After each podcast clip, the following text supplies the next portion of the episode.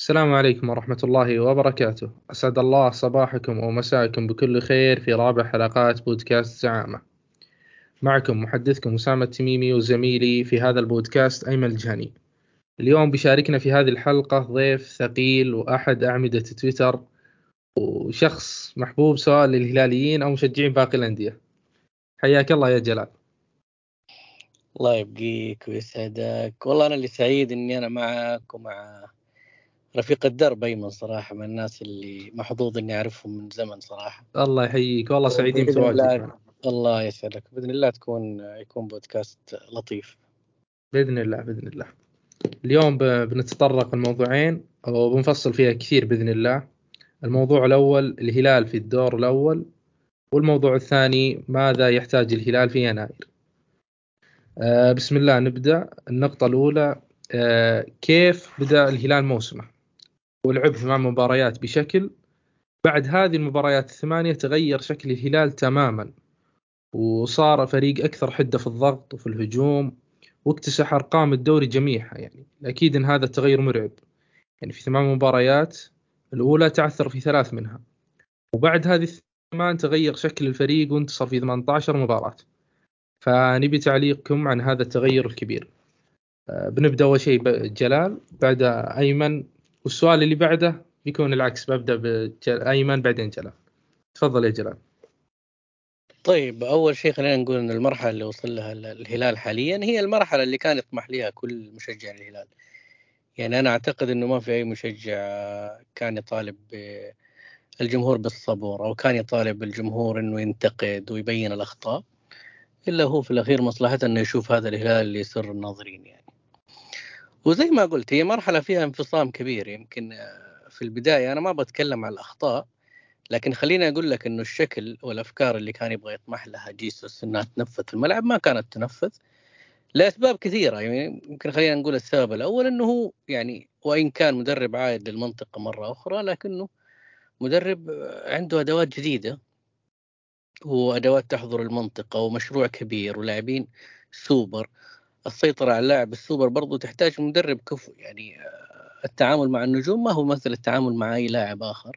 صحيح. فكان تحدي قوي على جيسوس آه، فكأفكار كان في أفكار يعني خليني أقول لك إنه 90% من الأفكار اللي نشوفها الآن هي كانت موجودة لكن الفكرة تحتاج دائما لحالتين ذهنية وبدنية حتى تنفذ بأفضل طريقة ممكنة. ببدأ بموضوع الحالة الذهنية. كان واضح إنه الهلال عنده مشاكل كثيرة. كان واضح إنه آه، مباراة بعد مباراة بعد مباراة إنه تحس إنه في كم لاعب خارج النص آه، ما هو مركز في مبارياته بشكل كبير جدا. لاعب ما تحس إنه كل لاعب يبغى يعطي 100% صارت في مواقف آه، لقطة نيمار مع جيسوس لما كان يشرح له على الخط. موقف سافيج في مباراة ضمك. كان في مواقف تحسسك يعني يعني كان الكل متخوف منها إنه ممكن نشهد لحظة يتم فقدان فيها غرفة الملابس بالكامل. ودائما نقول فقدان غرفة الملابس يعني فقدان كل شيء آخر. من يوم ما يدخل دخلنا مرحلة الشك. الشك. بالضبط. أنت دخلت مرحلة الشك. آه وصلت لمرحلة أنه خلاص يعني آه الجمهور بدأ يتذمر وفئة كبيرة جدا صارت طالب بالتغيير. وأنه التغيير على الأقل أنه يحدث صدمة وإلى آخره. لكن دائما أقول الإدارة هذه مهما انتقدناها لكن نرجع نقول إنه تعاملها في مواقف كثير يكون تعامل حكيم. وأنا ما أتكلم على تغريدة يعني. أنا راح أسطح الأمور بشكل كبير جدا لما نتكلم على تغريدة واحدة. لكن اللي حصل آه كيف إنه ال ال ال الإدارة هذه تكلمت مع المدرب هذا وبينت أمور كثيرة ووصلت له إنه في طوفان من المد اللي مو هو راضي ابدا. يعني خلينا نحط المطالبة بالإقالة على جنب. خلينا نحط إنه كان في كوارث لكن في يعني الشريحة الكبرى من جمهور الهلال ما كان راضي. حتى الناس اللي تحب جيسوس صحيح. يعني بدأت تنفذ منها يعني خلاص بدأت التبريرات تخلص إنه طب ما كان في وقت طيب اللعيبة يخطوا طب خلاص صارت المبررات. فقعدنا مباراة بعد أخرى في مطالبات بالصبر. أنا أتذكر مباراتنا في بهور وأنا أقول لا زال للمدرب رصيد بسيط جدا لكن بعد مباراة ضمك أنا توقعت انه الأمور فلتت تماما. موقف سفج الشكل الضعيف جدا اللي ظهر عليه الهلال في المباراة. تحس إن إحنا وصلنا لنفس المرحلة اللي وصلنا لها مع نهايات رزفان اللي وصلنا لها مع دياز الموسم الماضي إنه كان لابد تحدث إقالة يعني عشان وصلنا طريق مسدود تقريبا. بالضبط. لكن صراحة التدخل كان في وقته وأنا أتذكر حتى وقت التدخل يعني النسبة الكبيرة من الجمهور كأنها هدت إنه على الأقل في ردة فعل على الأقل وصل داخل النادي إنه ما في رضا تام عن الهلال هذا. آه الاجتماع مع المدرب تقريب وجهات النظر الدخول للعيبة الكلام مع اللعيبة ترى إنه أنتم جزء كبير جدا. من فشلنا وفشل المدرب. يعني لو فشل المدرب فانتم جزء كبير منه. لو فشلنا كإدارة أنتم جزء كبير منه. لازم تدعموا مدربكم. عشان بعد كذا الجمهور يدعمنا كلنا. وهذا حصل يمكن كان واضح جدا إنه كان في توجيه إنه يا لاعبين آه، صفقوا لمدربكم. يا لاعبين آزروا مدربكم. يا لاعبين غنوا لمدربكم. وكان في لقطات توصل من خلال المركز الإعلامي. توضح هذا الشيء. فسبحان الله كأنها كانت يعني كأنها كانت مناسبة جميلة وقتها كان أعتقد اليوم الوطني وكان في التفات كامل والتفاف كامل من الإدارة على اللاعبين. خلينا نقول في ذي اللحظة اللي تغير فيها وضع الحالة الذهنية في الهلال بشكل كبير جدا وهي اللي كانت ناقصتنا يمكن الهلال قبل كذا. كنا نقول لا في في تذبذب في مباريات نظهر فيها بشكل جيد وأنا دائما أقول شوف مباراة الفيحاء تعادلنا فيها واحد واحد. لكن الهلال ما كان سيء فيها الهلال لعب مباراة جيدة فيها وعشان كذا أنا ما أحب أحكم بالنتائج. لكن في مباريات أخرى يمكن فاز فيها الهلال لكن لا كان الوضع يخوف يعني ما في طمأنينة. فمع تحسن الحالة الذهنية من يوم ما غرفة ملابسك تكون غرفة للفائزين فقط غرفة للناس اللي تبغى تدخل الملعب عشان تقدم كل شيء خلاص أنت ما كان ناقصك شيء. أنت فنيا عندك أفكار معينة قادر قادر تطبقها ليش؟ لأنه هذا أول موسم للهلال قادر يلعب فني وقادر يلعب بدني يمكن بالضبط. قبل سنتين تجي تقول لي إنه يعني جارديم نفرض مثال جارديم كان عنده أدوات بدنية نعم لكن الفريق أغلبه فني الفريق صعب ينفذ هذه الأفكار بشكل كبير غير إنه كان عند جارديم مشاكل كبيرة في موضوع الحلول في الثلث الأخير يمكن لكن الآن لا الفريق مالكوم بدنيا قوي سافيتش نيفيز سالم من أول هذه نقطة من نقاط قوة سالم اللي راح نشعر فيها كثير بعد اعتزال سالم إنه سالم ما هو بس قيمة فنية ولا قيمة هداف لا قيمة بدنية عالية في الضغط قيمة بدنية عالية في التحول من ملعبك لملعب الخصم قيمة بدنية عالية جدا ودفاعية في المساندة مع الظهير. الهلال فارق عن باقي الأندية بدنيا. بالضبط. فالهلال قادر يلعب قادر يكون بدني يعني قادر يكون سيتي بيب وقادر يكون ليفربول كلوب في أفضل فترات الاثنين يعني قادر يلعب بنفس الهويتين هذه وينجح بشكل كبير. فما كان ناقصنا. الحالة البدنية كنا فارقين فيها بشكل كبير. الحالة الفنية عندنا أفكار معينة قادرة تنجح. في حالة إنه الذهنية كانت ممتازة وهذا الشيء اللي تحقق بشكل كبير. صرنا ذهنيا في اللعبة صرنا ذهنيا نبغى ندخل كل مباراة كأنها تحدي. والمدرب بشكل عام يعني جيسوس بشكل عام في تحدياته في مسيرته. مدرب هذا أسلوبه. حتى المباراتين الأخيرة تكلم عليها قال مباراتين نهائيات رغم إنها هي على ملعبك. وضد أبها وضد الفيحاء وكلها في الدوري. لكن الرجل يبغى يروح لفترة التوقف وهو فايز. رجل قدم تنازلات أنا أتكلم على تنازلات فنية. نحن لما نشوف لقطه مباراة ضمك كيف إنه يطالب سافج إنه هو يبقى آه فكرة إنه هو يهاجم بثمانية لعيبة يعرض الاثنين دائما لمواقف صعبة عليهم. آه التنازلات اللي حصلت إنه صرنا نلعب أحيانا كأننا بثلاثة يعني في حالة الارتداد علينا. لما يكون في مدافعين وامامهم يفيز بشكل مباشر أو كنه أو من أو في الحالة الأخرى اللي حصلت كثير إنه واحد من الأظهرة يتقدم والثاني يحاول يكمل مع الاثنين اللي يكونوا ثلاثة في استقبال الهجمة. هذا الشيء ريحنا كثير. تحرير سافج كأفكار فنية ريحنا كثير. في تنازلات. حتى المدرب كتصادم كتصادم مع اللعيبة يمكن شفنا لقطة ميشيل لما ميشيل زعل. ودائما أقول جيسوس يمكن قبل خمسة ست سنين في ذي اللقطة كان ممكن بادر وتصادم مع ميشيل في نفس اللحظة ولا كان ممكن حصلت مشكلة كبرى لكن ميشيل لعب المباراة اللي بعدها عادي فتحس إنه صار مدرب أقرب للعيبة بشكل كبير جدا. أي نعم وسط المباراة وهذا دايدا كل المدربين إنهم وسط المباراة ينفعلوا ويكونوا أقرب للخط ويشوفوا الأخطاء بشكل مباشر ويحاولوا يعدلوها. لكن كمدرب قدم تنازلات واللعيبة قدموا تنازلات وفي الأخير المشجع هو المحظوظ. فعلا يا جلال. بعد ما كنا نطالب بالإقالة صرنا نصفق المدرب. وقالها جيسوس ترى في تصريح له. بخلي الجماهير تصفق لي وهذا اللي صار فعلا. بالضبط. آه طيب يعطيك العافية. تعليقك أيمن. آه السلام عليكم. مساء الخير. آه حياك الله أسامة. حيا الله الغالي جلال. سعيد والله بتواجده معنا اليوم. آه آه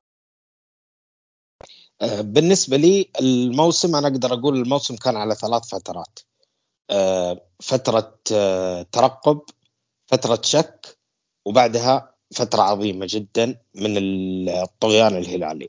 وفي الثلاثه فترات جيسوس ما كان نفس الشخص. يعني جيسوس اللي في بداية الموسم في البطولة العربية مثلا مختلف كليا عن جيسوس بداية الدوري آه، من ناحية المشاكل من ناحية الأفكار. آه، من ناحية حتى شخصية المدرب مع اللاعبين آه، بعدها فيما بعد تحديدا من من لحظة اللي سماها جلال الاجتماع مع المدرب أو خلينا نقول من لحظة خروج الإدارة ومصارحة الجمهور إنه إحنا نثق بالمدرب نثق باللاعبين نحتاج دعمكم.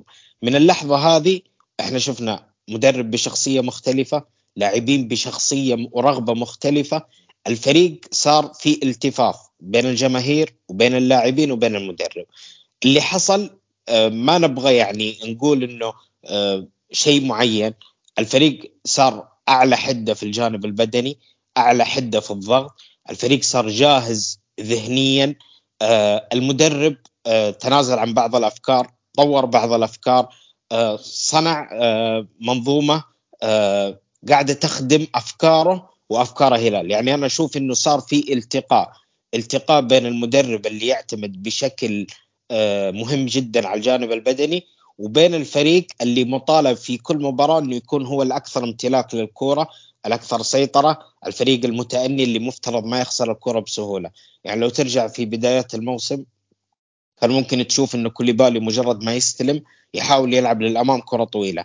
هل الكرة راح تصل؟ هل الهجمة راح تكتمل؟ أنا كانت فكرة جيسوس ممكن إنه آه، أفضل طريقة لصناعة اللعب إني أنا أفتك الكرة في ملعب الخصم لا الهلال صار في العشر مباريات الأخيرة لا فريق مختلف. فريق عنده استعداد يتدرج عنده استعداد يلعب كرة سريعة عنده استعداد يبطئ اللعب في لحظه الحاجة للشيء هذا. آه، ما ما راح يعني ما راح يكون مستغرب إنه الهلال يلعب عشرة تمريرات قبل الوصول الكرة إلى متروفيتش. هذه الأمور صارت آه، آه، جديدة على هلال جيسوس وطورت كثير من أفكار المدرب. أنا أشوف إنه الفترة هذه الفترة الثالثة تحديدا نجح فيها جيسوس بشكل كبير لسببين رئيسية. السبب الأول إنه ما أصر على إنجاح فكرة ظهرت إنها لن تنجح. يعني فيما قبل مباراة الشباب كان واضح إن الفريق قاعد يتجه إلى إلى نفق مظلم. أه، جيس لو استمر بتعنته وإصراره على إنه أنا راح أنجح فكرة معينة أه، راح تلقى نفسك في أه، في منتصف الموسم فقدت كل شيء. لا جيسوس اللي كان يطالب سافيتش في مباراة قاعدين مطالبين بالفوز وقاعدين نقدم مباراة كارثية. بعدم التقدم والمساندة الدفاعية في لحظة هجمة الهلال هو المدرب نفسه اللي شفنا آه سافيتش معه في كل المباريات يكون داخل منطقة الجزاء يعمل الزيادة العددية يصنع الفارق في الثلث الهجومي. فهذا التحول في الأفكار آه جعل الهلال اليوم آه، فريق لا يقهر فريق صعب جدا إنك تسيطر عليه. ولو تأخذ مثال بسيط وأنا أقول إنه هذا أكثر شيء أنا كنت متخوف منه إنه أكثر شيء كان يخوفني إنه الهلال لو انخفض الجانب البدني آه، راح راح يعيش معاناه يعني لو نرجع مثلا لمباراة الوحدة الأخيرة كان الهلال بدنيا أقل من المعتاد كحدة أقل من المعتاد. مع هذا الهلال انتصر. قدم مباراة أقل بكثير من المباريات السابقة كلها ومع هذا انتصر. هذا يرجع للأمرين الرئيسية. الأمر الأول هي سلسلة الانتصارات. تعطيك ثبات داخل الملعب وشخصية. الأمر الثاني هو جودة اللاعب اللي موجود عندك جودة حارس بقيمة بونو ممكن يمنعك في لحظات خلينا نقول في لحظات الضعف إنك أنت تستقبل هدف وجودة ثلث هجومي قادر يسجل في أي لحظة آه، مع وسط عنده أفكار لل حتى في أيامه السيئة إنه ممكن يصنع ويسجل. لو ترجع لمباراة الوحدة تحديدا راح تلقى إنه آه، في مجموعة من اللاعبين يعني ممكن تقدر تقول ستة سبعة لاعبين داخل الملعب كانوا أقل من المعتاد. مع هذا الهلال كان قادر إنه يفوز قادر إنه يسير المباراة كما ينبغي. آه أنت وصلت لمرحله آه أنت أنت مطالب بالفوز حتى في أيامك السيئة قادر على الفوز حتى في أيامك السيئة قادر على الفوز حتى في غياب اللاعبين. المرحلة هذه أنا أشوف إنه يستحقها جيسوس. قياسا على البداية البداية اللي دخلنا فيها في مرحلة شك التغيير اللي حصل الوصول اللي إحنا وصلنا له اليوم هذه كلها مراحل قاعدة تصنع لك شخصية قوية داخل الملعب وعلى يقين إنه مباراة بعد مباراة راح تشوف إنه في تغيرات أفضل. لأني أنا قلتها معاك يا أسامة في أول آه، بودكاست وراح أكررها إلى منتصف الموسم. آه، هذا الفريق عنده هامش تطور آه، كبير جدا. يعني أنت المرحلة اللي وصلت لها 18 مباراة بدون خسارة ترى 18 مباراة متتالية بدون خسارة عفوا 18 مباراة متتالية فوز. هذه هذه لازلت تملك هامش تطور كمان زيادة. يعني هامش تطور في الأفكار الهجومية هامش تطور في أنماط اللعب هامش تطور في في تنوع الحلول. هامش تطور في رفع جودة المساهمة عند سافيتش عند مالكم عند سالم آه، ميشيل بشكل أقل آه، نفيز في أدواره لما يتقدم. فأنت طالما تملك جودة عالية هامش تطور مهم. آه، أنت قاعد تسير برتم تصاعدي ولا تعتقد إنك أنت وصلت للقمة مهما كنت في مرحلة عظيمة جدا لأنه لا زال أنت قادر على الأكثر. طيب يا أيمن تشوف علاقة جيسوس مع اللاعبين آه، قبل مباراة ضمك تختلف عن معاملته مع اللاعبين بعد مباراة ضمك؟ يعني أول تشوفه تصادمي والآن مرن مع اللاعبين وصديق لهم. آه، جيسوس تحول تحول كبير من ناحية الشخصية والتعامل مع اللاعبين. بشكل عام جيسوس من نوعية المدربين اللي آه، يعامل اللاعبين معاملة خلينا نقول الطالب والأستاذ. لك حدود ما ينفع انك انت تتجاوز الحدود هذه. علاقتي معك حادة وجادة جدا. اللي قاعد يصير مع جيسوس الفترة الأخيرة لا إنه صار في جانب عطف في جانب تقارب مع اللاعبين آه، صار آه، مبتسم بشكل مستمر يمازح اللاعبين آه، صار مندمج مع اللاعبين قريب منهم. هذا التغيير ترى يا أسامة قاعد يصنع خلينا نقول لك رغبة داخل اللاعب. إني أنا بعطي كل شيء. الشيء هذا كان مفقود ترى في فترات سابقة. وترى دايم المدرب الصدامي اللاعب يصل معاه في مرحلة من المحر... في مرحلة من المراحل إلى نقطة آه، لا عودة. خلاص أنا وصلت معاك إنه ما عاد إني أقدر أواصل ما عاد إني أقدر أعطيك داخل الملعب لأنك أنت قاعد تتصادم معي على كل شيء. يمكن الشيء هذا شفناه في بداية الموسم. وكان هذا سبب إنه كثير من اللاعبين مو قادر يعطيك المتطلبات اللي أنت تنتظرها.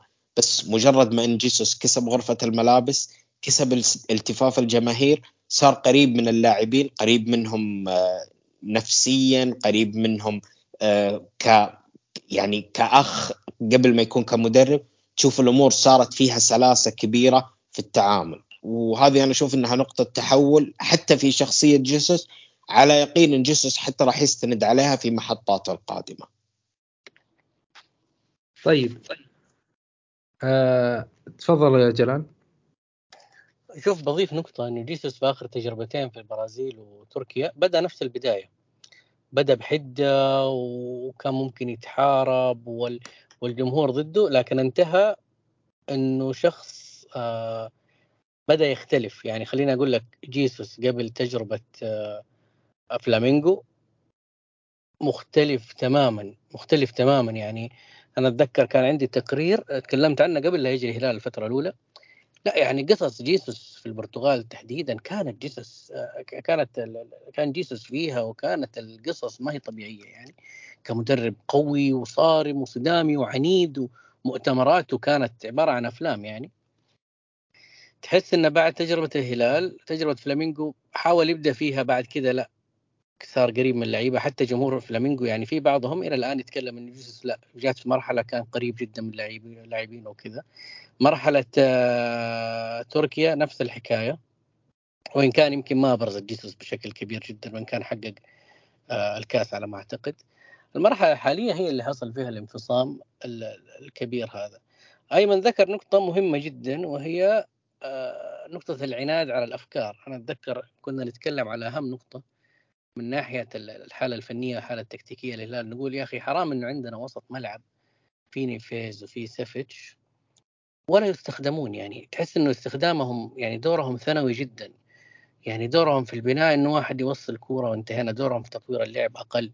تحس إنه أدوارهم دفاعية أكبر. تحس إنه الكرة الطويلة كانت آه هي هي هي هي اللي مرة نعتمد عليها بشكل كبير. خروجنا من أطراف الملعب آه كثير. يمكن هذا الشيء تحسن مع مرور الوقت حتى لو يعني أنا أتذكر حتى في الفترة اللي كنا ننتقد فيها جيسوس بمجرد دخول نيمار للتشكيلة لا صار اللعب في العمق أكثر. آه صار في يعني على الأقل بدايات لكن الحالة الذهنية كانت مسيطرة بشكل كبير جدا والفريق تحس إنه ما يبغى ما يبغى يعطي. وكان الجمهور صراحة منقسم يعني ما أقول منقسم 50 50 لكن نقول الغالبية يشوف إنه جيسوس هو المسؤول. أنت في الأخير مدرب أنت مسؤول تورينا هلال نحب نشوفه يعني. وكان في نسبة برضو ما هي سهلة تلوم اللعيبة يعني. في في ناس أنا مقدر إنه كل مدرب معجبين ومحبين أو مدرب له كارهين لكن في ناس كانت تلوم اللعيبة. بعد اللي حصل فهد بن نافل لا اللي كان يلوم جيسوس بدأ يصفق له واللي كانوا يلوموا اللعيبة بدوا يتراجعوا وبدوا يصفقوا للعيبة. فالاثنين أرجع أقول همهم كانوا يشوفوا هلال. صار في تنازلات فنيه صار في تنازلات فنيه تكلمت عنها قبل شوي. آه لكن آه شفنا هلال يعني شفنا هلال والله مرن. يعني أنا في في مباريات معينة كان هلال حتى لما يلقى ضغط عالي كان يخرج بالكرة الطويلة يحضرها مترو أو نكسب الكرة الثانية ونلعب مرتداتنا وتحولاتنا يكون لها قيمة كبرى. آه العرضيات لها قيمة. نحن من أكثر الفرق لعبا للعرضيات واستفادة من العرضيات. الكرات الثابتة لها قيمة. فلا في مرونة آه في حلول هجومية لكن راح يجيك وقت.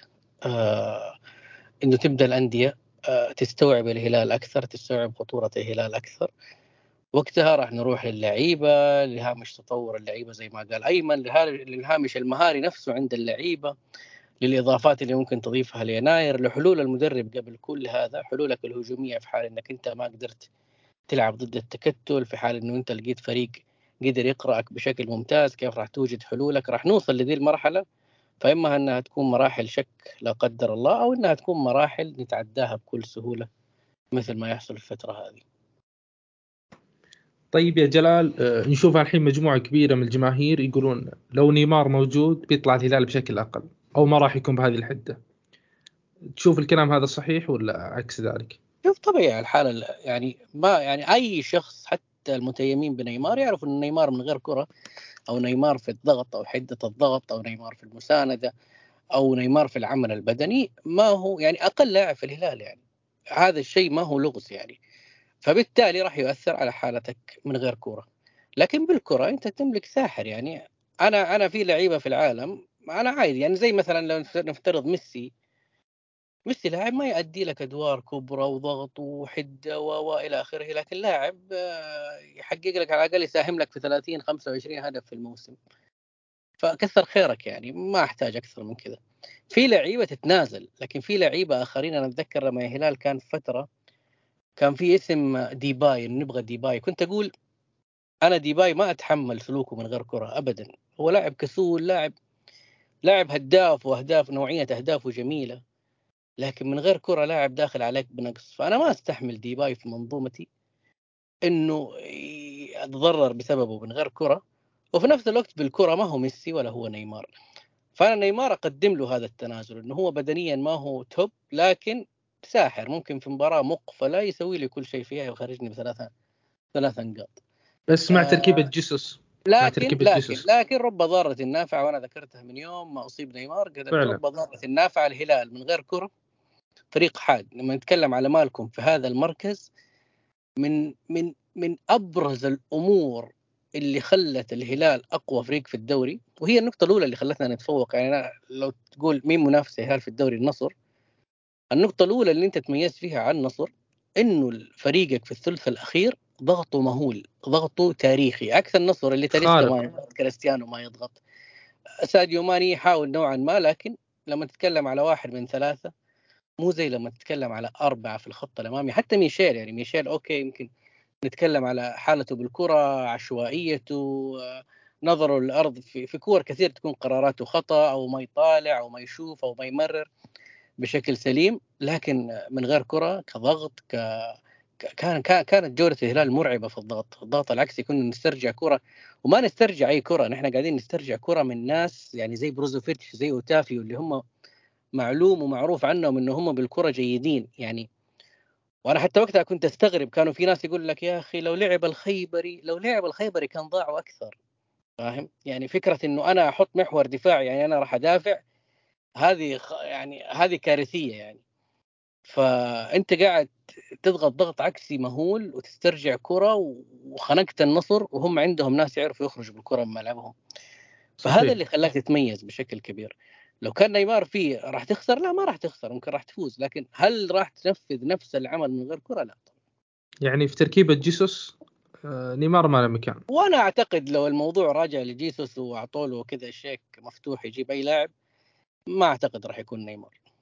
okay يمدحه وراح ومضطر يمدحه غصبا عنه يمدحه وغصبا عنه يقول هو فقيده وغصبا وغصبا لكن أنا أعتقد لو أعطوه أي لاعب ممكن يجي يعني ميسي ما هو جاي مين اللاعب الثاني اللي راح تتمنى يجي. ما أعتقد راح يختار. هو عنده متطلبات بدنية كبرى وهذا الشيء حتى نشوفه في اللعيبة يعني مصعب الجوير في بداية الموسم كان يعتمد عليه بشكل كبير. مع الوقت لا ما صار يعتمد عليه.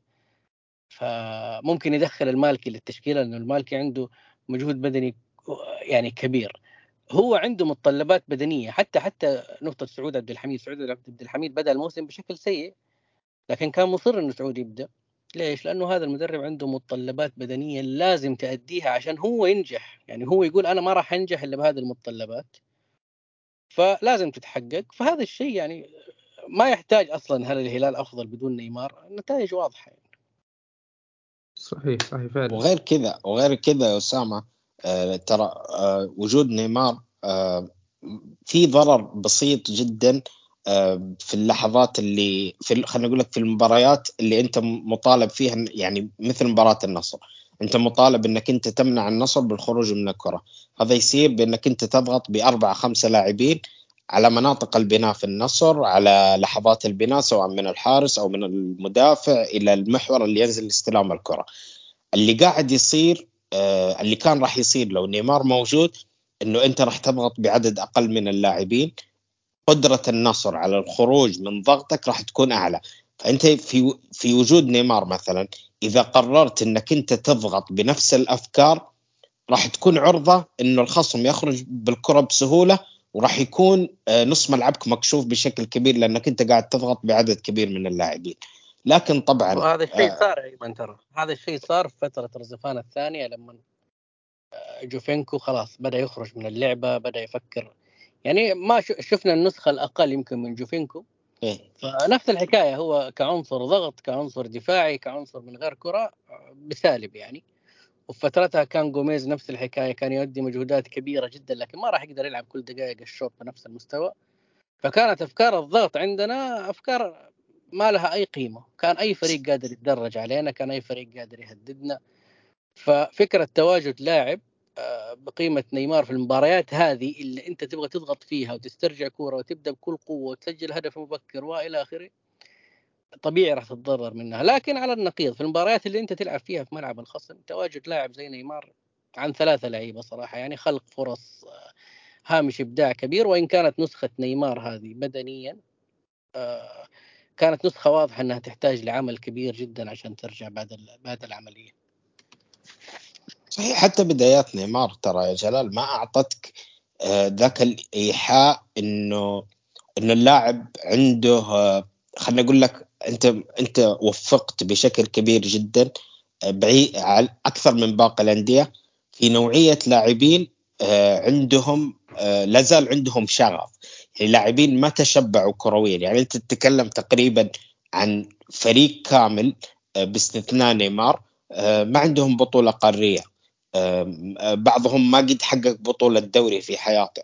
فأنت تتكلم عن لعيبة لا زال خلينا نقول لك ال CV حقهم فارغ. عندهم شغف كبير إنهم يملؤونه والمسألة مهي مسألة إني أنا جاي الدوري وما وراتب كبير وخلاص. على النقيض نيمار. نيمار نيمار أعطاك آه ما أبغى أقول شكوك أعطاك نوعا ما إنه أنا أباخذ وقتي في التطور إلى آخره. لكن تخيل تخيل إنه في الفترة هذه اللي نيمار ما أعطاك فيها بوادر آه خلينا نقول لك الرغبة العالية اللي كنت تشوف نيمار فيها في دوري أبطال أوروبا. على فكرة ترى كان السلوك هذا اللي يتابع باريس في الدوري الفرنسي في بعض المباريات كان نيمار يعطيك السلوك هذا في بعض مباريات الأبطال. لكن تعال مباراه في الأبطال مثلا باريس ضد السيتي باريس ضد ريال مدريد. لا نيمار يكون لاعب مختلف جدا. فالمقصد إنه في فترة السلوك اللي قاعد يعطيك إياه نيمار اللي ما فيه آه، ذيك الرغبه لو ترجع الارقام وفي ثلاث أربع مباريات شارك فيها عدد المراوغات عدد المساهمات عدد حجم التأثير والكرة معك شيء مهول جدا. ف آه، أنا أتفق مع جلال إنه جيسوس نيمار مو لاعب مفضل له. بس لما تملك نيمار والكرة معك أنت قاعد تملك آه، إكسترا حلول آه، جودة عالية. يعني لاعب ممكن يصنع لك من لا شيء أشياء عظيمة جدا. فانا أشوف إنه ولعلها إنها خيره إصابة نيمار بالرباط. إنها قاعدة تعطي نيمار فترة راحة طويلة آه، يرجع برغبة كبيرة قدامه كأس عالم. فراح تكون الأمور مختلفة جدا. راح يرجع الحافز الحافز اللي داخل اللاعب وراح يعطيك أنا أتوقع يعني أتوقع الموسم القادم بإذن الله نيمار بيعطيك واحدة من أعظم النسخ اللي قدمها ممكن تكون مقاربة لنسخة برشلونة. بإذن الله. بإذن الله. طيب بخصوص سافيتش يا أيمن في جماهير زي ما إحنا شايفين يعني من كثير منقسمة بخصوص مركز سافيتش. في اللي يفضل مركز عشرة في اللي يفضل ثمانية. آه، هل الأفضل إنه يكمل في مركز ثمانية وفي الأمام سان ومالكم وميشيل أو يكون عشرة بالإضافة لسالكم ميشيل بالاستغناء عن أو عفوا بالإضافة لسالم مالكم بالاستغناء عن ميشيل. لا لا ابدا. أنا أول ما وقع الهلال مع سافيتش أنا كتبت إنه أكثر شيء أنا متخوف منه هو تحييد أدوار سافيتش في مركز عشرة. سافيتش مو لاعب مركز عشرة. ولما تحطه في مركز عشرة وتطالبه بأدوار محدودة أنت تفقد كثير من قيمة اللاعب. آه، سافيتش ممتاز جدا ممتاز في في بداية الهجمة في في تطوير الهجمة وعظيم جدا في الثلث الهجومي سواء في الصناعة في التمرير في التحضير في الزيادة العددية والتسجيل. فأنت لما تيجي اللاعب آه، في في في توظيف جزء اللي صار في خلينا نقول لك في ال 15 مباراة الأخيرة لما تيجي لسافيتش وتشوف سافيتش راح تلقى إنه أمامه مساحة تقريبا 35 إلى 40 متر له فيها حرية التحرك. بس لما تقيده في مركز عشرة هو راح يكون محدود بلاعب ثمانية في الخلف ومحدود بمهاجم آه وأجنحة. يكون مربع الإبداع أو المساحة اللي سافيتش راح يلعب فيها آه يعني يمكن ما تتجاوز 15 إلى 20 متر. فأنت راح تقلص نصف المساحة اللي عند اللاعب على على مركز الإبداع. فأنا أشوف أن التوظيف الحالي لسافيتش هو أفضل توظيف له آه، حتى مع لاتسيو. آه، أكثر فترة نقول لك كانت عظيمة لسافيتش هي فترة اللعب في 4 3 3 لما كان يلعب كمحور ثمانية لكن بأدوار أكبر هجوميا. آه، أنا أشوف إنه حتى مالكم يمكن ما أعرف لو جلال يتفق معي مالكم يعني توظيفه مو توظيف لاعب عشرة ولا هو توظيف لاعب مثلا خلف المهاجم. مالكم ترى قاعد يعطي أدوار أكبر بكثير من من عشرة. يعني أنا أشوف إنه في أغلب المباريات إحنا ما نلعب بلاعب عشرة مالكم ممكن يستلم في منطقة قريبة من هذه لكن مالكم تلقاه أحيانا كمحور إضافي. أحيانا مساند للجناح أحيانا لاعب آه، خلف المهاجم في لحظات تلقاه يستلم كمهاجم ثاني.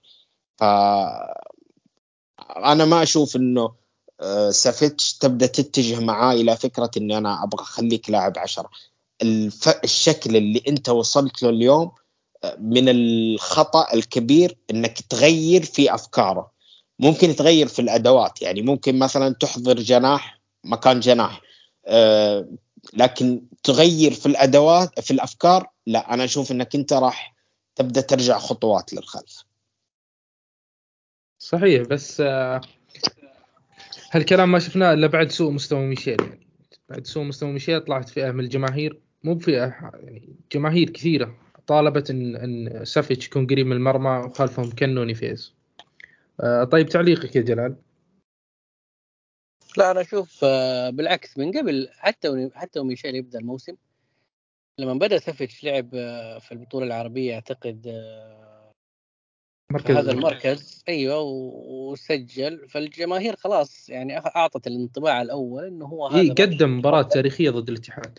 هذا مركز المفضل والأفضل إنه يلعب فيه وأنا أتفق مع أيمن هو لاعب هو لاعب ثمانية وأنا دائما أكرر الشيء ده لحد ما حفظه الجمهور يعني كل ما تقدم مركز اللاعب كل ما قلت المساحة عليه وكل ما زادت الرقابة عليه. يعني سافيت في مركز عشرة راح تقل المساحة اللي هو يقدر يبدع فيها زي ما تكلم أيمن وراح تزيد عليه الرقابة بشكل كبير جدا.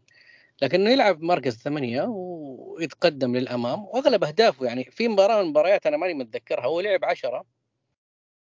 ولما تغير دخل ميشيل محل كانه ورجع ثمانية سجل. والله ماني متذكر المباراة. وفي مباريات دخل مباراة في الآسيوية مباراة في الآسيوية مباراة آه، مومباي الهندي آه، وقتها كانت النتيجة 1-0 وبعد تغيير دخول الحمدان تحديدا تغيير مركز سافيتش سجلنا خمسة أهداف. بالعكس رجع للخلف وهو سجل هو سجل. صحيح يعني سجل أعتقد وصنع. أي. آه مباراة الاتحاد اللي في الدوري هو بدأ أعتقد يعني أعتقد اسوء بداية للهلال في الموسم. آه كان في مركز متقدم لكن من ضغط الاتحاد القوي بدأ يتراجع بدأ يساعدنا في خروج الهجمة. لكن لما دخل ميشيل الشوط الثاني شفناه في كرة قدم وصنع هدف الفوز. آه مباراة النصر سجلوه في مركز ثمانية. فالمركز هذا الأفضل لي. أوكي أنا أنا متفق تماما أنه 4 3 3 راح تظهر بشكل كبير خصوصا 4 3 3 لما تكون متنوعة لما يكون جنبه لاعب زي لويس البيرتو مثلا. آه وأنا وأنا هذا كان حلمي. أنا قبل قبل يتأكد موضوع جيسوس كان أغلب الجمهور رايح لفكرة 4 3 3 فكانت الفكرة إنه كاريو ممكن يبقى وسافيتش مختلف عنه ونيفيز مختلف عنه. فهذه التركيبة متكاملة بشكل كبير. لكن لما جاء جيسوس وصار كاريو ما له أي ما له أي دور وكان يحاول يلعب في مركز تسعة ونص وكان ممكن يكمل هذا الموسم بهذا الشكل. لكن صار ما صار مع الصندوق والدعم وقدرنا إن إحنا نجيب لاعب آخر. فسافيتش هذا مركز مفضل بالنسبة لرسم الهلال الحالي وأيمن ذكر نقطة مهمة جدا ترى. فعلا في في أوقات كثير في المباريات أنت تشوف مالكم كأنه قاعد يكمل ثلاثي وسط ملعب كأنه نيفيز وأمامه سافيتش ومالكم. يعني أنت شفت الشكل هذا خصوصا في مباريات الأهلي ظهر بشكل كبير. فطالما إنه هذا المركز اللي نشوف فيه سافيتش وأنا دائما أقول سافيتش محور وأكثر. مشكلة الجمهور إنه صار يحكم على سافيتش ليش ما سجل وليش ما صنع فهمت؟ يعني إحنا قاعدين نتكلم على محور وقاعدين نقيسه بالأرقام. يعني شوف محاورنا في السنين الماضية أتكلم عن أي محور سواء محور نفضله ولا ما نفضله. كان إذا خرج بأربع مساهمات في الموسم يا جبار يعني خلاص وصلنا نحن. هذا محور.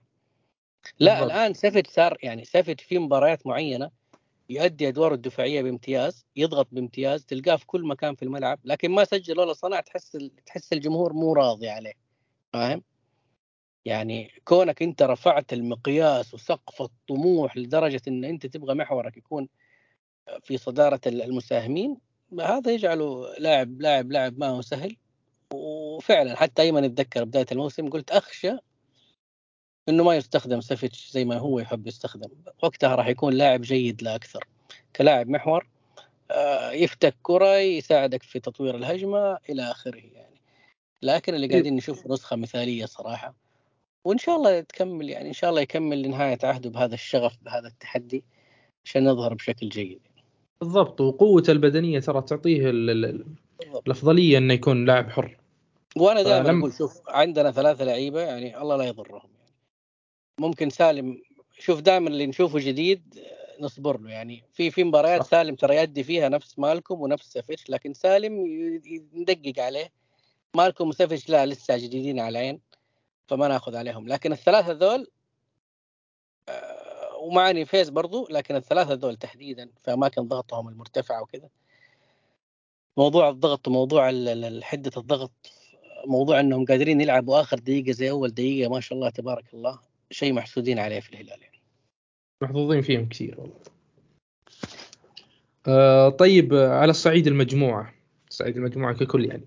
المستوى العالي اللي وصل له الفريق وقوته البدنية. هل توقف الدوري في آسيا وأفريقيا بيكون له أثر على الفريق وبيضره وبيتراجع المستوى يعني بشكل كبير؟ تفضل يا جلال. من حسن حظنا. ترى شوف لما تبذل مجهود كبير جدا وموسمك مستمر راح تعاني حتى أندية أوروبا. يعني في عرف في إيطاليا إنه لو دخل عليك فبراير أو دخل عليك يناير هذا الشهر اللي إحنا نتعب فيه. في أندية خلاص حافظ جمهور هذا الشيء إنه إذا إحنا إذا عدينا فبراير أمورنا بتكون طيبة. يكون هذا الموعد اللي يكون فيه إرهاق بشكل كبير جدا على الأندية. آه، الدوري الإنجليزي أيام ال- ال Boxing Day وأيام صحيح. يعني في في مواقف معينة راح تتأثر راح تتأثر. هو الموضوع ما هو إرهاق وإلى الآن يعني إلى الآن في بعض الجمهور فاهم إنه هو إرهاق إنه هو تعب إنه هو نفس. لا هي عضلة هو إجهاد عضلة ويقاس وله أجهزة قياس. إذا وصل إجهاد العضلة لحد ال- بالرقم هذا ما ينفع إنه اللاعب يلعب ما ينفع إنه اللاعب يبدأ. ممكن اللاعب بقياس الإجهاد هذا ممكن يلعب 20 دقيقة 25 دقيقة. فهذه كلها أمور محسوبة والمشكلة إنه جيسوس مدرب ما يعترف يعني ما يعترف بفكرة التدوير الشامل. خصوصا إنه جا جاتنا فترة لازم نفوز. يعني في ريكورد في رقم لازم نحن نوصل له. ف وما في ما في أسماء جديدة قاعدين تنضاف للمجموعة. ففكرة إنك أنت تمر عليك فترة تعاني فيها بدنيا فكرة واردة جدا. إن شاء الله إنه يكون التوقف التوقف هذا لصالحنا. وترى يعني نفس اللي قلته فترة آه، كورونا. فترة كورونا التوقف اللي صار ترى كان من صالحنا بشكل كبير جدا. نحن كنا مرهقين أكثر من أي فريق ثاني. رجعنا بعد كورونا وحققنا الدوري. بس في كثير من الجماهير يا جلال متخوفة إن التوقف 45 يوم. يعني كانك تقول موسم جديد. والفريق وصل الليفل آه، يفرق كثير عن باقي الأندية. فبعد هذا أفرق 45 يوم إيه أنت بعد هذا 45 الآن. يوم ممكن يقل. وممكن يزيد. ممكن, ممكن يكون هو يزيد يعني فعلا. ممكن ممكن ممكن أنت لو لعبت خمسة يعني 45 يوم هذه توقف. ممكن لو قعدت تلعب في ال 45 يوم هذه ممكن بعد 45 يوم تعاني تعاني بدنيا. فهمت؟ فهذا كأنه بالضبط. معسكر جديد لك. يعني أنت نفس المدرب نفس الأفكار نفس المحترفين. إن شاء الله نفس الحالة الذهنية نفس التحدي. حاول على الأقل وأنا أفكر يعني هذه من أهم الأسباب اللي تخلي جيسوس يتكلم عن المباراتين القادمة كأنها نهائيات. يعني ما أبغى أقول شفت تهاون لكن طبيعي أنت ما راح تدخل بنفس الحافز لكل المباريات. طبيعي إنه في مباريات معينة تدخلها بحافز أقل. وهذه المباريات سبحان الله اللي يفقدها الهلال دائما اللي يدخلها بحافز أقل وأنا فايز والوقت لسه بدري. وإلى آخره. فكرة إنك تزرع فيهم إنه هذه المباراتين نهائيات وتحدي كبير. أنت في أقل شيء راح تخرج زايد سبعة نقاط قبل التوقف. في حال ان النصر تعثر مع مباراة الاتحاد وإن كان الاتحاد يعاني حتى على صعيد الغيابات لكن على الأقل بالتعادل أنت راح تروح لفارق تسع نقاط آه، مع تبقي أنت لاعب جولتين من الدور الثاني. فهذا الرقم حتى لو أنت بدأت بعد 45 يوم بداية أقل عندك هامش عندك وقت عندك فرصة إنك أنت تتدارك نفسك يعني. فهي سلاح ذو حدين يعني. أنا متأكد وفي ناس سألوني هل هذا الشيء يعني هل هذا الشيء يؤثر؟ نعم متأكد لو الهلال هذه ال 45 يوم ما فيها توقف ممكن بعد 45 يوم نعاني بدنيا ونخسر. وممكن هذا التوقف يخلي الهلال ما أقول ينسى الكورة لكن أنت ماشي في سلسلة انتصارات معينة والفوز يجيب فوز. فالتوقف كأنه موسم جديد ممكن راح ندخل ما هو بنفس الشكل اللي انتهينا عليه. ونبدأ نتعثر. ولا تنسى نقطة مهمة جدا ان إحنا راح نرجع على ملعب جديد. أجواء جديدة صحيح ظروف مختلفة تماما كأنه موسم جديد راح تدخل كأنه موسم جديد فهذا الشيء سلاح ذو حدين إما يكون خيرة لك إنك أنت توقفت وإنك أنت ريحت وإنك أنت إجهادك الكبير خصوصا إنك أنت فريق قاعد تبذل مجهود أكثر بكثير من أي فريق آخر ممكن يكون لصالحك وممكن يكون سلبي لكن بإذن الله الغالب إنه يكون صالحك بإذن الله تعالى. بإذن الله بإذن الله. أه تعليقك يا إيمن؟ والله أنا أشوف إنه آه هو شوف هو صدق يعني زي مثل ما قال جلال هو يعتبر سلاح ذو حدين. لكن أنا خليني أنظر للأمور بإيجابية. آه اللي قاعد يحصل مع جيسوس في بعض المحطات إنه دائما يحصل يحصل انهيار للفريق اللي هو يدربه في فيما بعد آه، فبراير. يحصل انهيار بدني فبعدها يفقد كل شيء. يعني أعتقد حصل الشيء هذا مع بنفيكا مع فنربخشة. إيش اللي قاعد يصير؟ اللي قاعد يصير اليوم إنك أنت راح توصل مرحلة ما بعد فبراير أو مرحلة منتصف الدور الثاني وأنت بادي معسكر جديد. 45 يوم آه، فترة راحة للعضلات بعدين فترة آه، بداية آه، اختبارات لياقية رفع مستوى الحالة البدنية رفع مستوى. فالفترة هذه اللي أنت قاعد ترفع فيها كأنك تبدأ موسم جديد. بالتأكيد وبدون شك راح تكون أول ثلاثة أربع مباريات آه، مش الشكل اللي أنت قاعد اللي أنت واصل له اليوم. لكن أنا ما أحتاجها اليوم. فاهم علي؟ أنا أحتاجها في مرحلة ما بعد مارس اللي هي المرحلة المرحلة الحصاد سواء في الدوري أو في دوري أبطال آسيا أو في كأس الملك. المرحلة هذه أنا أبغى أوصلها في نفس الحالة البدنية لليوم. أنا على يقين إنه لو الدوري مستمر وما راح يتوقف آه أنت راح توصل لمرحلة آه خلينا نقول آخر شهرين في الموسم مرحلة الحصاد راح يتكرر معاك اللي حصل في موسم إقالة جيسوس. لما كنا نشوف مع أول ما بدأ زوران مع الهلال بدأ بشكل قوي جدا والفريق كان ممتاز. بعدها مباراة بعد مباراة صار في انهيار بدني إلى حد ما وصلنا إلى ختام موسم كارثي جدا خسرنا فيه كل شيء. أنا اللي يهمني إنه أنت في مرحلة التوقف تعتمد على حاجتين الحاجة الأولى إنك أنت تعطي اللاعبين راحة كافية الحاجة الثانية إنك أنت تبدأ آه، مرحلة آه، آه، إعادة الجانب اللياقي في الفريق ورفع مستواه. بالنسبة لي توقف لأفكار جيسوس ملائم بشكل كبير. راح يخليك في مرحلة الحصاد أو في مرحلة الحسم فريق جاهز بدنيا وإن شاء الله بدون مشاكل عضلية أو إصابات. طيب يعطيكم الف أسامة حتى لعيبة المنتخب اللي بيشاركوا مع المنتخب. أيوة. فكرة إنك أنت ما تلعب بشكل أسبوعي أنت لا تنسى الدور الثاني في مباريات آسيوية وكأس ملك ودوري. إي أكيد أكيد. وسوبر. ف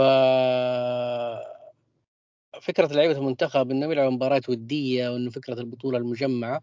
ما هي بإرهاق الدوري يعني. أنا عارف إنه في كم شخص يقول الهلال متضرر أكثر من غيره بسبب إنه لعيبة المنتخب كثير لكن بإذن الله إنه هذا لصالحهم. ولا تنسى إنه في بطولة ودية اللي هي بطولة موسم الرياض. آه راح تلعب فترة ما قبل أول مباراة في الدوري. نحن جدولنا بعد بعد 29 يناير. بالضبط. 29 الثانية مباراة يوم 8 1 آه 8 2 ويوم 16 أعتقد بعدها بثمانية أيام راح نلعب مع الرايد بعدين الاتفاق بعدين الاتحاد بعدين الرياض. ما بقلل من الاتفاق الاتفاق على ملعبه بيكون صعب خصوصا إن الاتفاق معرض إنه راح يصح نفسه بشكل كبير. الاتفاق عنده أساس المباريات الأخيرة عنده مشاكل كبرى جدا. الاتفاق اليوم تفاجأت إنه ما سجل إلا 20 هدف يعني مقارنة بالأندية اللي قبله وبعده رقم ضعيف جدا جدا جدا. رغم إنه دفاعيا جيد الاتفاق أعتقد ما سجل فيه إلا 18 أو 19 هدف. فيقارن دفاعيا بأندية ال top four يعني لكن هجوميا يعاني فراح يصحح نفسه من هذه الناحية. الاتحاد ممكن راح يصحح أمور كثيرة. فأنا ما أقول لك مباراتين مستحيلة أو صعبة لكن قادرين نتجاوزها خصوصا الاتحاد على ملعبنا. والرياض والرايد فعودتك راح تكون نوعا ما متدرجة ما هي العودة القوية اللي راح تنصدم فيها على طول. وعندك آه، فترة كافية إنك أنت آه، تسترجع أنفاسك وتلعب مباراة مباريات موسم الرياض وتعد فيها نفسك بشكل ممتاز. على أمل إنه نبدأ بداية قوية إن شاء الله وعلى ملعبنا خصوصا الدور الثاني يعني. بإذن الله وهي استمرار للنجاحات الحالية. آه طيب يعطيكم العافية وبإذن الله غطينا الموضوع الأول بشكل كامل وما قصرتوا. الآن بننتقل للموضوع الثاني وهو احتياج الهلال في يناير. آه، فيه الكثير يقول الهلال بحاجة ظهير أيسر وفي كلام إن جيسوس طالب لاعب بالثلث الأخير فبوجهه نظرك الهلال الآن وش يحتاج عشان يستمر بهذا المستوى أو حتى يتطور بشكل أكبر. تفضل يا جلال. طيب أنا لازلت مؤمن تماما إنه الفريق هذا لابد يكون فيه ظهير أيسر آه، يكفي الحاجة. ظهير أيسر ونحن شفنا تكلمت عليها من من فترة يعني إنه الظهيرين عندنا هم أكثر لاعبين يوصلوا لمناطق خطورة من غير رقابة. يعني دائما نشوف سعود وسعود سجل في المباراة الأخيرة وياسر الشهراني سجل أعتقد إمام الرياض. فالظهيرين عندنا مع أفكار جيسوس اللي تخليهم أحيانا في عمق الملعب يدخلوا والاجنحه هي اللي تفتح عرض الملعب. آه، تواجدهم في مناطق الخطورة بشكل كبير. ما يكون عليهم رقابة كبرى. فحاجتك لظهير قادر إنك أنت تستفيد منه إنه هو يسدد يسدد ويسجل ويصنع حاجة ملحة ولا عليها اي اي أي جدال صراحة. وكان هو يعني أنا حتى لما كان الخيار بين حارس وظهير أنا كنت في صف الظهير تماما لكن اسم بونو يخليك توقف يعني خلاص ياسين بونو اللي شيك يعني ما هو اسم آخر فيخليك خلاص تقتنع إنه مهما كان هذا اسم يعني يسكتك تماما إنك أنت تنتظر إيش راح يسوي وفعلا رهان كان ناجح جدا من جيسوس على ياسين بونو. آه فكرة الظهير ملحة لكن بين قوسين لكن أنا مقتنع إنه جيسوس يعني استحالة ما يشوف إنه الهلال محتاج لاعب في الثلث الأخير. هو لما يطالع للدكة في المباريات اللي يلعبها الهلال راح يلقى عبد الله الحمدان وصالح الشهري ومحمد القحطاني. الثلاث الأسماء الوحيدة اللي قاعدة تلعب له هذه المراكز ولا اسم فيهم قادر يعطي مع الاحترام لهم وإن شاء الله ان هم يبدعوا ويقدموا نفسهم بشكل جيد لكن مع الاحترام لهم ما يجوا حتى 25 ل 30 إلى في أفضل أحوالهم 40% من قيمة الاساسي فأنت معرض إنه لاعب يصاب في الثلث الأمامي. أنا عارف إنك تقول لي سافيتش قادر يلعب تسعة ونص بس أنا ما أبغى ذي الفكرة أساسا. يعني أنا أبغى سافيتش في مركزه. مالكوم يلعب تسعة ونص. ميشايل على اليمين لو افتراض إنه ميشايل صعب يخرج لأي حالة إما شرط جزائي إما هو رافض يخرج إما جيسوس يبغاه. خلينا يعني فكرة خروج ميشايل خليها لوقتها يعني. الحين نتكلم على بديل نيمار. فأنت عندك الثلاثي هذا معرض أي واحد فيهم إنه يصاب معرض أي واحد فيهم إنه يقدم آه، مستوى سيء في المباراة آه، معرض إنه هو يتوقف. ففكرة إنك أنت تنظر للدكة وما تلقى لاعب يؤدي هذا الشيء آه، فكرة صعبة. وأنا أعتقد مدرب بأفكار جيسوس بعقلية جيسوس راح يفضل حضور لاعب تسعة ونص بشكل كبير. إنه لاعب قادر حتى لو غاب مترو يقدر يغطي هذا يغطي هذا المركز ويلعب في هذا المركز. وكلنا شفنا يمكن لما جاء مالكم لعبه في مركز رأس الحربة. هو يبغى لاعب من هذه النوعية بحيث إنه يقدر يداور يلعب مالكم أحيانا يمين يلعب مالكم أحيانا يسار. ومعليش راح أخرج من الموضوع. هذه النقطة يمكن اللي ايمن اتكلم عليها بخصوص مالكم. مالكم في أفضل استخدام له راح يكون جناح يمين لكن يلعب فين؟ يلعب في عمق الملعب أكثر يلعب في أنصاف المساحات أكثر يكون أقرب للمرمى لكن أفكار جيسوس أفكار جيسوس بشكل عام إنه الاجنحه هي اللي تفتح عرض الملعب والأظهرة هم اللي يدخلوا في العمق فلما كان يستخدم مالكم على الخط دائما على الخط دائما على الخط دائما معناه إنه هو في مسافة بعيدة عن المرمى معناه إنه هو راح يلقى أمامه لاعبين أكثر منه يعني في فترات أنت تحتاج إنه مالكم لا يلقى أمامه الباب مباشرة لاعب بالكثير لكن إنه يكون واقف أمامه لاعبين ثلاثة. فهذا الشيء ما يخليك تشوف مالكم. ففي ذي الحالة تقول لي مالكم يلعب جناح على الخط أكثر ولا لاعب تسعة ونص؟ لا أنا أفضل يلعب تسعة ونص. طيب في حالة مالكم غاب. مين راح تلعب؟ راح تروح لحل الطوارئ سافيتش لا. يعني جيسوس راح يؤكد ويطلب ويطالب وراح يصر وحتى قالها في المؤتمر الصحفي إنه حتى أنا أبغى لاعب فتكلموا واضغطوا معي على الإدارة أن يحضر هذا اللاعب. كثير ذكروا في الإعلام أنه ظهير أيسر وأنا مت... وأنا متأكد أنه خيار الظهير الأيسر موجود. لكن كتفضيل أنا أتوقع والله ما عندي علم إلى الآن لكن أتوقع انه جيسوس راح يفضل لاعب في الثلث الأخير. وإذا قرر المدرب شيء فطبيعي راح نقول له سمعا وطاعه يعني طالما أنه هو المسؤول الأول لما يخفق هو المسؤول ولما يبدع هو المسؤول ولا تنسى يا جلال إنك أنت أساسا الآن في يناير. يعني الخيارات تعتبر محدودة.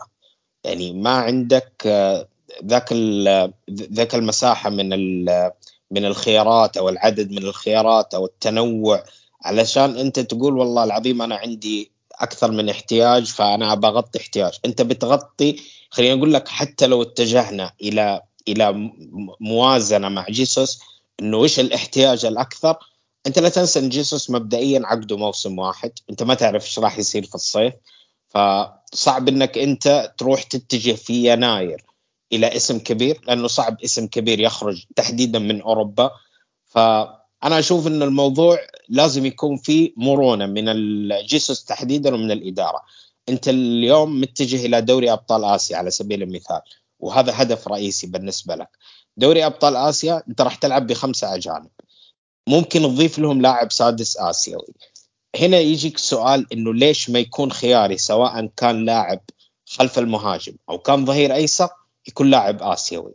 يعني أنا هذا هذا الرغبة الرئيسية اللي عندي. آه إنه لو الهلال قدر يتحصل على ظهير أيسر آسيوي ممتاز ما أملك اسم معين لكن كفكرة ظهير آسيوي ممتاز أو لاعب خلف المهاجم آسيوي ممتاز. أنت بتدخل آسيا بست أجانب بحلول أكبر وحتى بالنسبة الخيار مثلا زي خيار بونو. خيار بونو راح يكون على سبيل المثال أو كوليبالي صعب جدا في ظروف الخمسة وأنت محدود فيهم.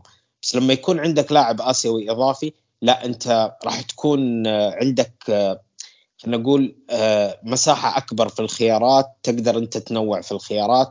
فسواء كانت رغبة جيسوس لاعب خلف المهاجم أو الاحتياج اللي إحنا قاعدين نعاني فيه من فترة طويلة اللي هو ظهير أيسر أنا أشوف إنه ما ما أشوف إنه راح نتجه إلى اسم كبير ما راح يكون آه، صفقة كبيرة جدا غالبا راح يكون آه، خيار آه، خيار يشبه خلينا نقول لك خيار ميشيل في الفترة الشتوية اللي مع جاردين إنه لاعب اسم كبير في اسم جيد في البرازيل قاعد يلفت الانتباه لكن مش اسم يقاتلك عليه أندية. فبما إنه المشروع اليوم صار الاتجاه بشكل كبير لأوروبا فشوف فكرة إنه أنت تتجه لأوروبا وتبحث عن لاعب اسم كبير موازي للمشروع صعبة جدا.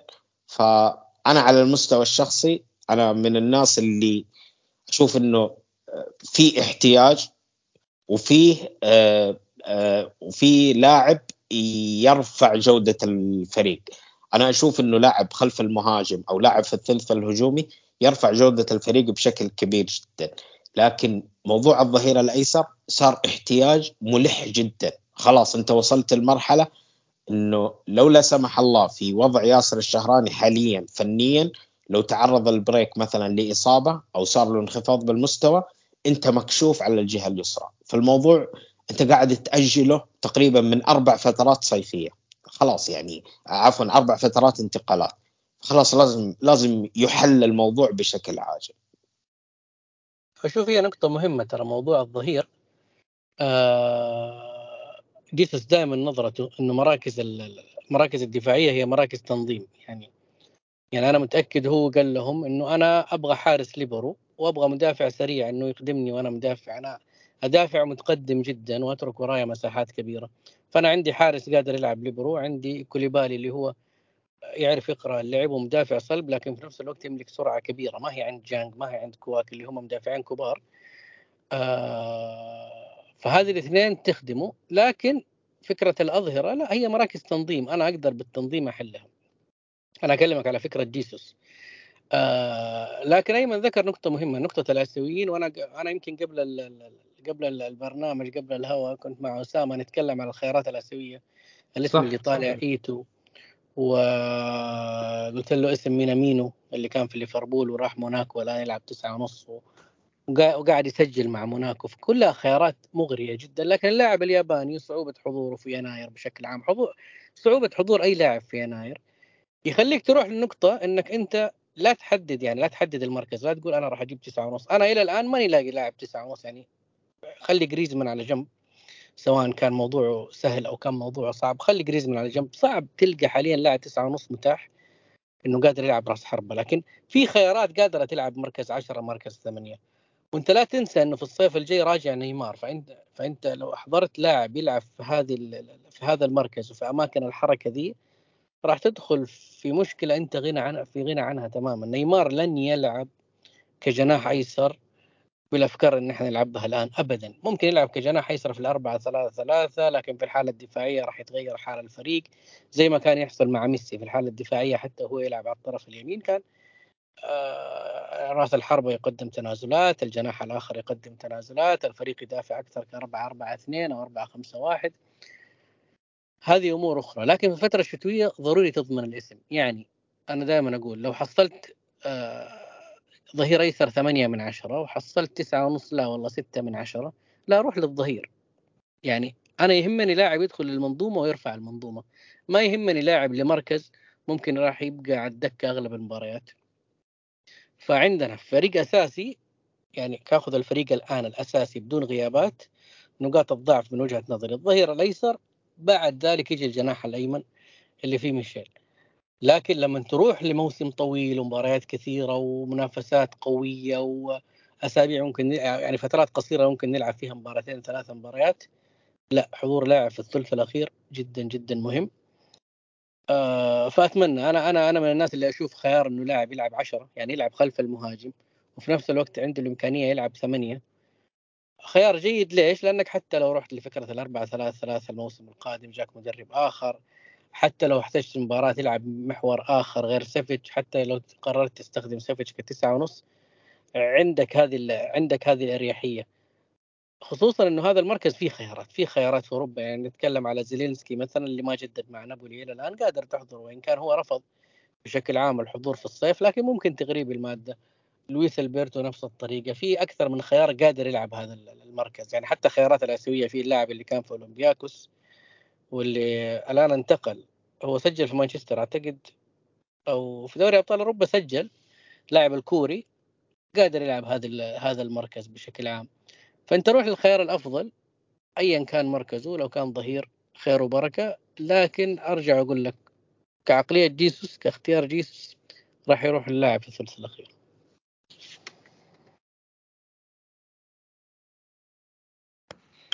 طيب يعطيكم العافية. أخيرا الهلال ينافس الحين على عدد من البطولات آسيا الدوري كأس الملك السوبر فنبي توقعاتكم في نهاية الموسم كم الهلال بيحقق من بطولة؟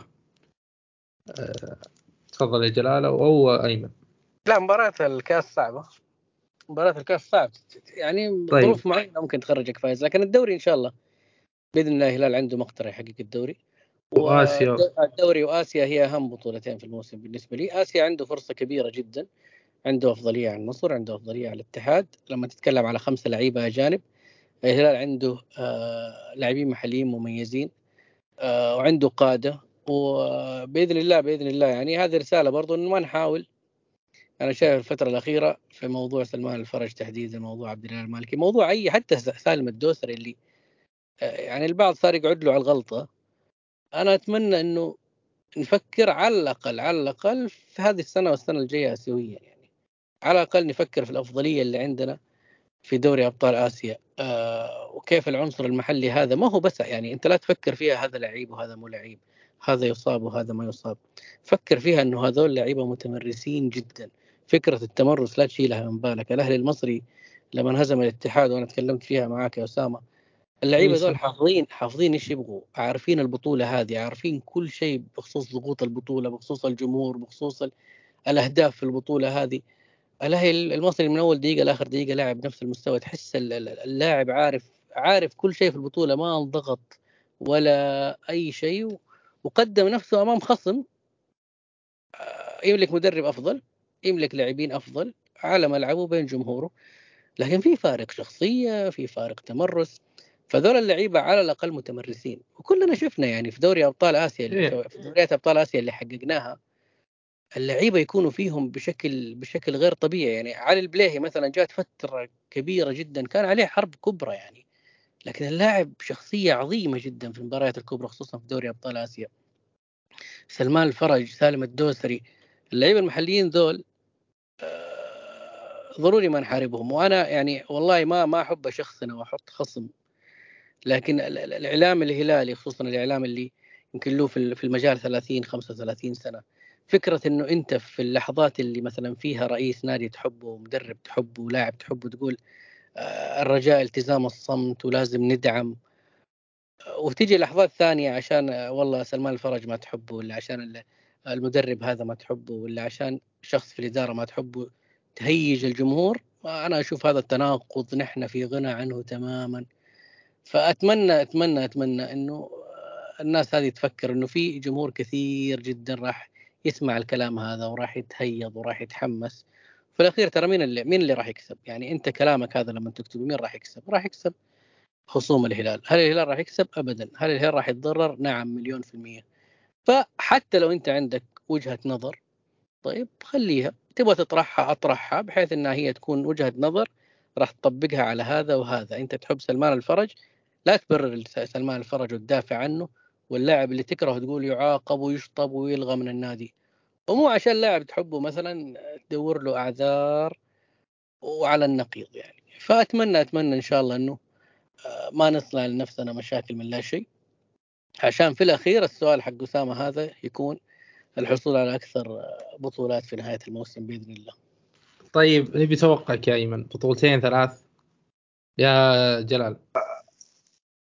لحظة جلال ما أعطانا إجابة مباشرة. لا قلت أنا أنا ما ما ما أحب إني أنا مرة بس أقول إن شاء الله الدوري وإن شاء الله دوري أبطال آسيا. يجوا يعني الاثنين ذول و... يعني توقعاتك الدوري ودوري أبطال آسيا؟ توقعات شوف توقعات.